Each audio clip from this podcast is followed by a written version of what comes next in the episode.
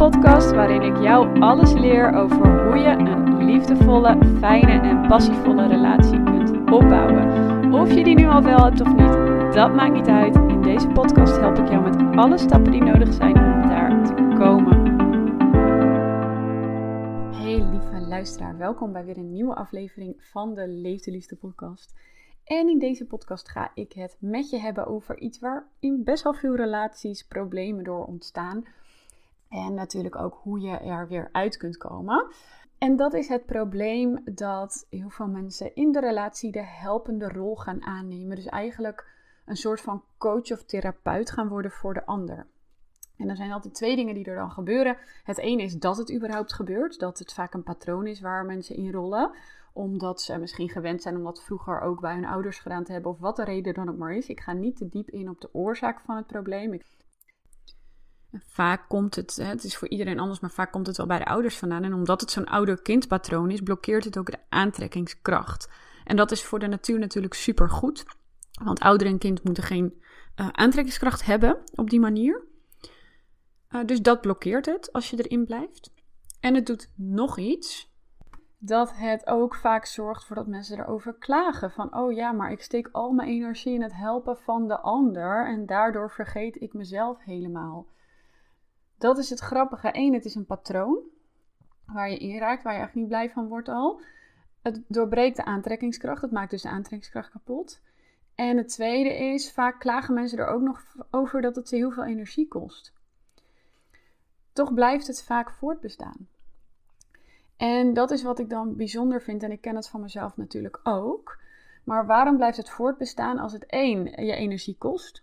En twee, het ook nog eens een oud patroon is waar je eigenlijk wel uit zou willen breken. En dat is vaak omdat je niet weet. Dat is één, dat je niet weet hoe je eruit kunt komen. Maar een tweede is ook omdat je allerlei overtuigingen hebt dat dit kennelijk liefde is. Dat liefde betekent dat je alles voor de ander moet oplossen. Dat liefde betekent dat je uh, de coach of de helper van de ander moet zijn. Dat is wat we vaak in ons hoofd hebben, dat de overtuiging dat dat liefde is. En op het moment dat je de ander helpt, dan krijg je wel liefde. En dat komt natuurlijk ook weer van vroeger. En waarschijnlijk heb je dat bij je ouders ook gedaan. Maar dat is vaak de overtuiging die we hebben. Of het is een angst van, joh, als ik hem niet meer help, ja, wie doet het dan? Uh, als ik het niet doe, dan, uh, dan kwets ik hem. Of dan kwets ik de ander. En um, ja, ik moet het wel doen. Want het voelt als een soort verplichting als je voor liefde hebt gekozen voor elkaar. Dat soort dingen heb je heel vaak in je hoofd zitten en daardoor blijft het bestaan. Maar als je je realiseert en jezelf bewust maakt van wat eigenlijk echt liefde is, dan begrijp je dat dit patroon van het de helper zijn juist eigenlijk het tegenovergestelde is van liefde.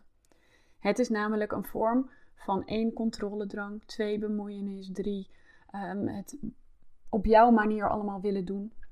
En dat is geen liefde. Liefde is het tegenovergestelde van controledrang.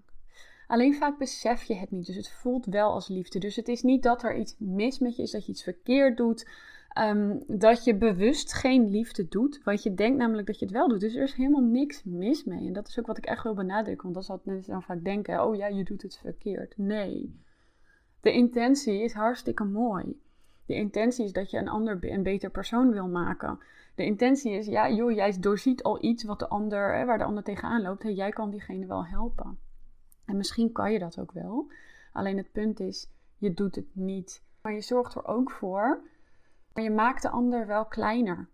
Je zegt eigenlijk letterlijk, en dat, is, dat zul je niet zo bedoelen, maar je zegt letterlijk tegen de ander: Ik vertrouw niet dat jij het zelf kan, dus ik doe het wel voor je.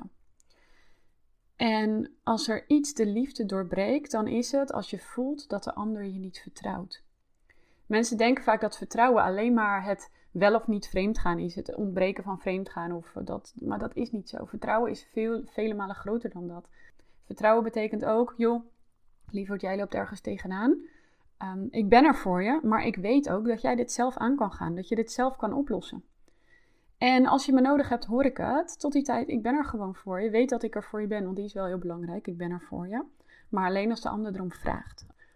Jij gaat niet al een oplossing bedenken, je gaat niet al invullen, want dat is geen liefde. Dat is namelijk controledrang. Ik bepaal wel hoe het opgelost moet worden. Ik bepaal wel hoe het gebeurt. Dat is bemoeienis, dat is wantrouwen, dat is letterlijk tegen de ander zeggen: Ik vertrouw er niet op dat jij het zelf kan, dus ik doe het wel voor je.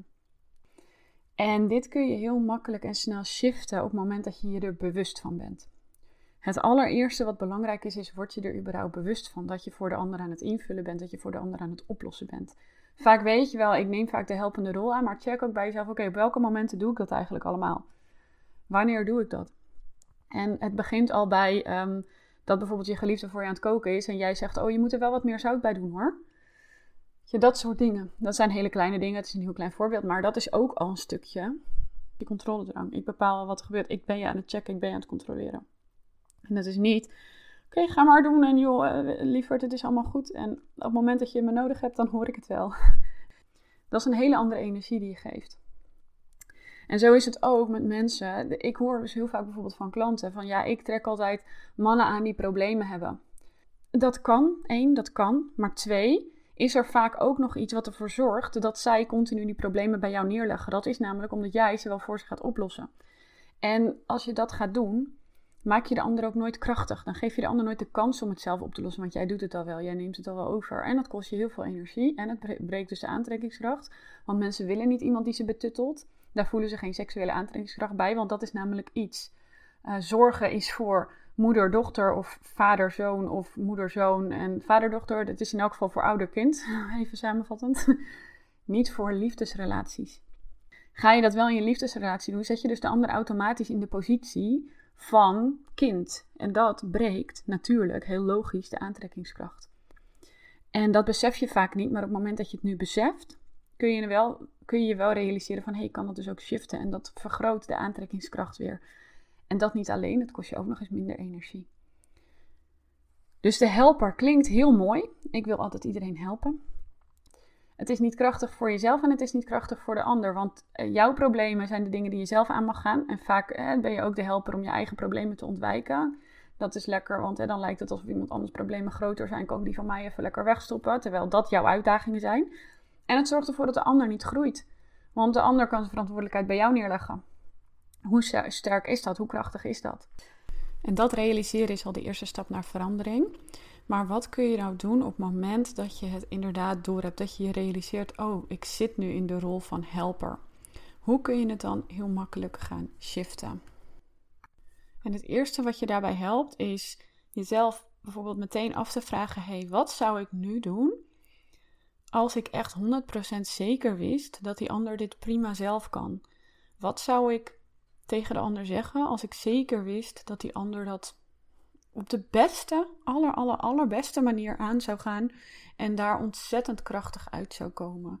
Kijk, vertrouwen gaat niet over het zeker weten, maar het gaat wel over wat zou ik doen op het moment dat ik het zeker wist.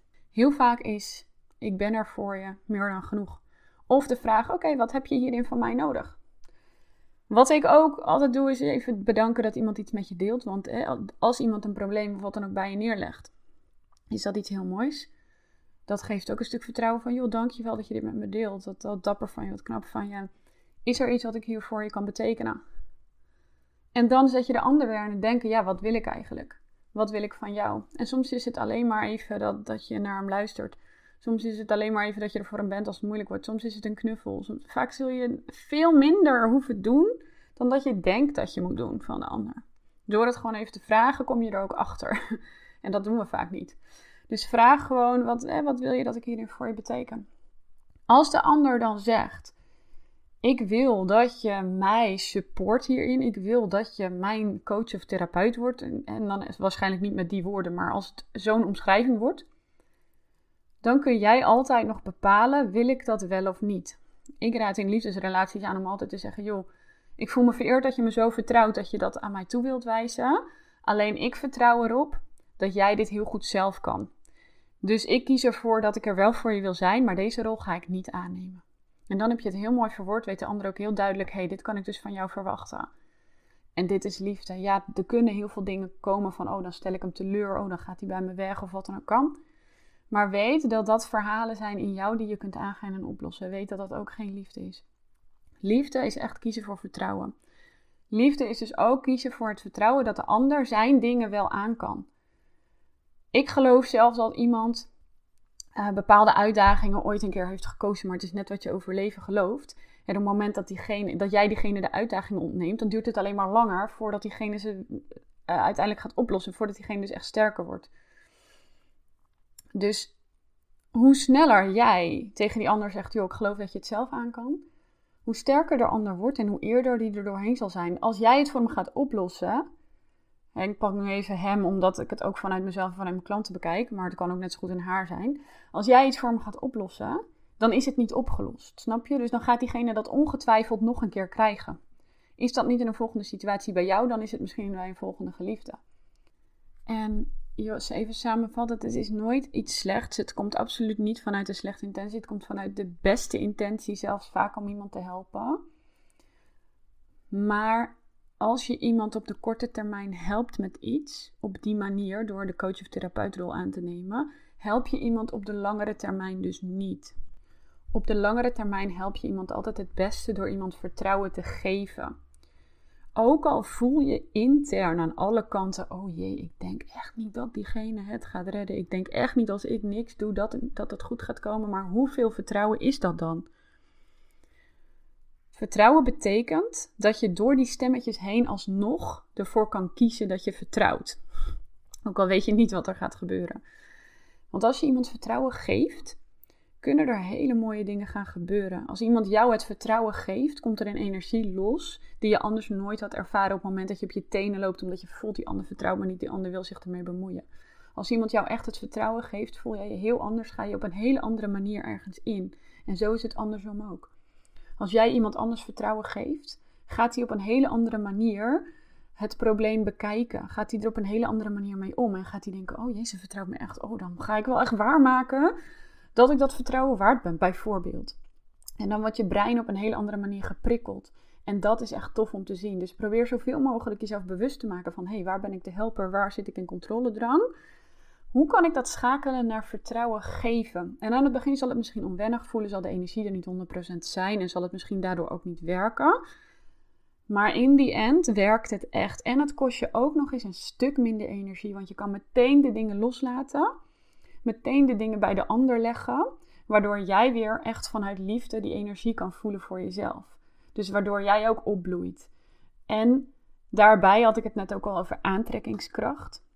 Aantrekkingskracht groeit op het moment dat je de ander ook krachtiger ziet. En je zet elkaar ook echt in een gelijke positie. Niet in een positie van um, moeder, zoon, vader, dochter, etc. Maar in een positie van hé, hey, wij hebben een relatie met elkaar en wij zijn gelijkwaardig aan elkaar.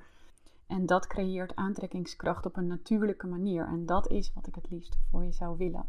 Dus de helpende rol is fantastisch vanuit de beste intenties, maar het kilt je aantrekkingskracht en je energie. Dus ik hoop dat je het hiermee kunt gaan shiften.